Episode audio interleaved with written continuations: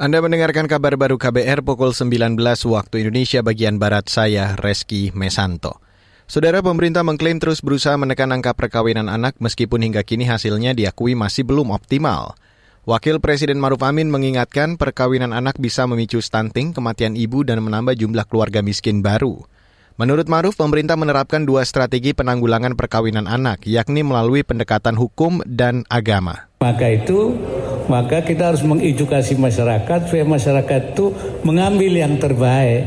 Yang terbaik tidak menikahkan ini menurut pendekatan keagamaan. Jadi undang-undangnya sudah ada, maka juga edukasi terutama pendekatan keagamaannya diperkuat sehingga masyarakat tahu betul, paham bahwa larangan itu adalah untuk membawa kebaikannya.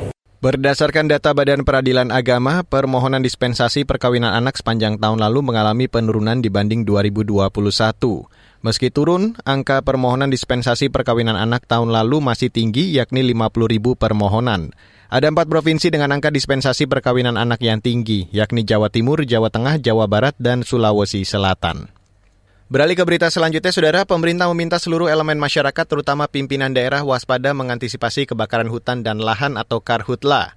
Menko Poluka Mahfud MD meminta agar sistem pemantauan dan pencegahan karhutla dilakukan secara maksimal. Mahfud mengingatkan potensi karhutla begitu besar akibat kelalaian yang mungkin terjadi di tahun politik menjelang pemilu 2024. Saya berharap kepada semua pimpinan daerah, Forkompimda, yang Eh, mempunyai uh, hutan yang rawan dengan kebakaran supaya dari sekarang waspada. Karena ya dulu ada ada gurauan gitu bahwa kalau sudah menjelang tahun politik biasanya orang lalai. Banyak yang ya kerja politik dan macam-macam sehingga tidak tidak waspada Menko Polhukam Mahfud MD juga mengajak seluruh elemen agar bisa mempertahankan prestasi nasional terkait karhutla. Prestasi yang dimaksud adalah semakin berkurangnya gugatan dan protes dunia internasional setelah Indonesia berhasil mengendalikan karhutla beberapa tahun lalu. Saudara keluarga empat korban pembunuhan mutilasi di Kabupaten Mimika, Papua Tengah menyatakan puas dengan vonis majelis hakim di Pengadilan Militer Tinggi 3 Surabaya terhadap terdakwa Mayor Infantri Helmanto Franciscus Sedaki Helmanto adalah satu dari enam prajurit TNI yang didakwa terlibat pembunuhan mutilasi empat warga Agustus tahun lalu.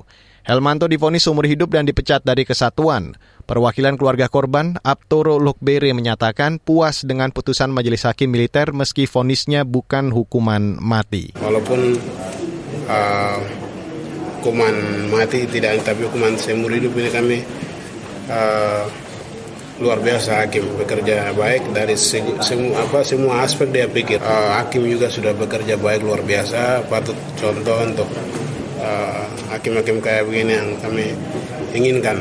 Kami mengucapkan banyak terima kasih untuk hakim yang begitu luar biasa. Itu tadi perwakilan keluarga korban pembunuhan mutilasi Aptoro Lokbere Menanggapi putusan tersebut, Mayor Infantri Helmanto Franciscus Daki didampingi kuasa hukum menyatakan pikir-pikir untuk melakukan banding atau tidak. Selain Helmanto, kasus pembunuhan dan mutilasi juga melibatkan lima prajurit TNI dan empat warga sipil.